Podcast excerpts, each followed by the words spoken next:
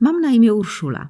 Zapraszam bibliotekarzy i pedagogów, którzy poszukują książek przydatnych biblioterapii do nowego wirtualnego miejsca w Dolnośląskiej Bibliotece Pedagogicznej we Wrocławiu o nazwie Na półce biblioterapeuty.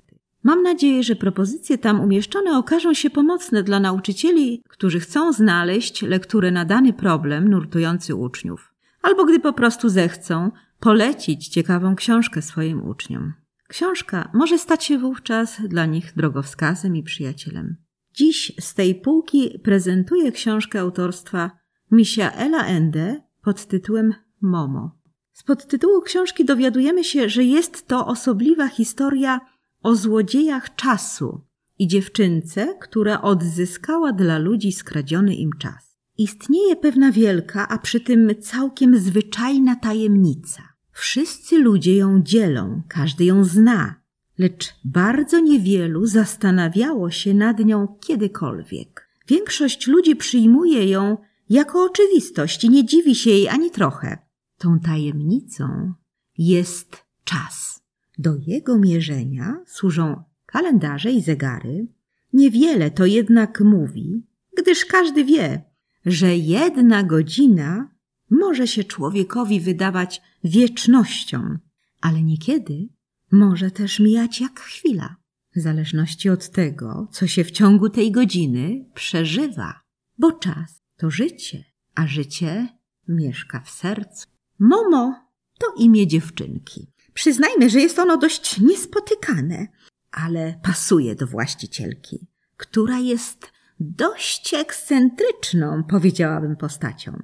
Nie wiemy skąd ona pochodzi, nie wiemy gdzie mieszka.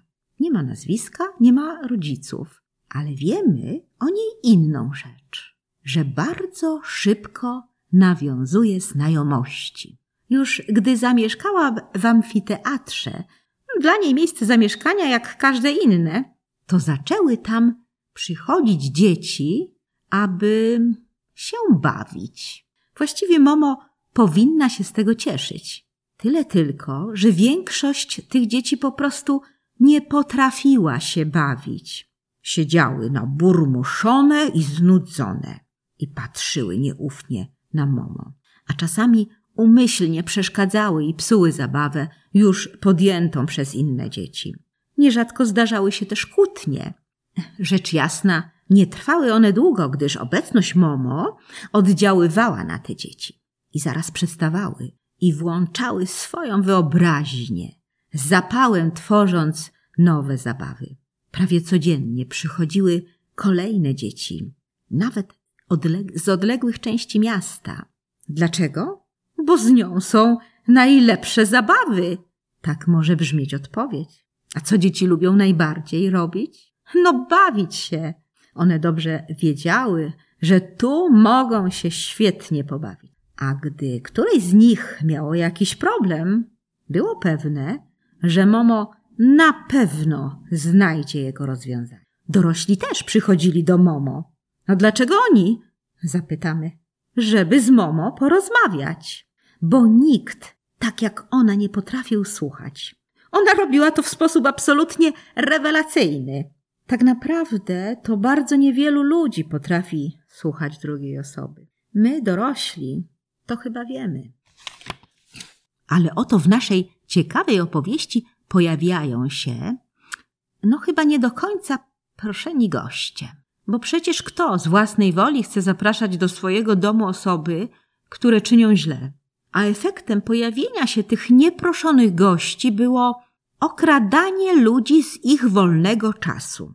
Wraz z kradzieżą ludziom ich prawa do wolnego czasu znikała też momentalnie radość ludzi, a w to miejsce wkradał się smutek i niepokój. I kiedy wydawało się, że złodzieje czasu odnieśli pełen sukces, okazało się na szczęście, że zło nie może triumfować długo. Okazało się, że wielka moc złodziei czasu nie była aż tak wielką. I to za sprawą małego dziecka. Polegli oni bowiem na małej dziewczynce. Momo nie dała im się okraść z jej wolnego czasu. Michael Ende to niemiecki autor literatury dziecięcej. Jego utwory zostały przetłumaczone na ponad 40 języków. Najbardziej znanymi opowieściami są Niekończąca się historia i właśnie Momo. To magiczne opowiadanie znalazło się na złotej liście Fundacji ABC 21. Cała Polska czyta dzieciom. Książka została zarekomendowana jako lektura dla dzieci w wieku 10 do 12 lat. Już teraz cieszę się, drogi nauczycielu, że sam przeczytasz tę ciekawą opowieść, a potem, nie może być przecież inaczej, zaproponujesz ją do przeczytania swoim uczniom. Jestem przekonana, że uda ci się zachęcić uczniów do tego, by poznali przygody głównej bohaterki, żeby sami sprawdzili, co udało jej się zrobić, by uniemożliwić złym panom zapanowania nad dobrem. Dobro zawsze zwycięża. Trzeba tylko czasem o niego powalczyć. No, zazwyczaj nie jest to łatwa walka.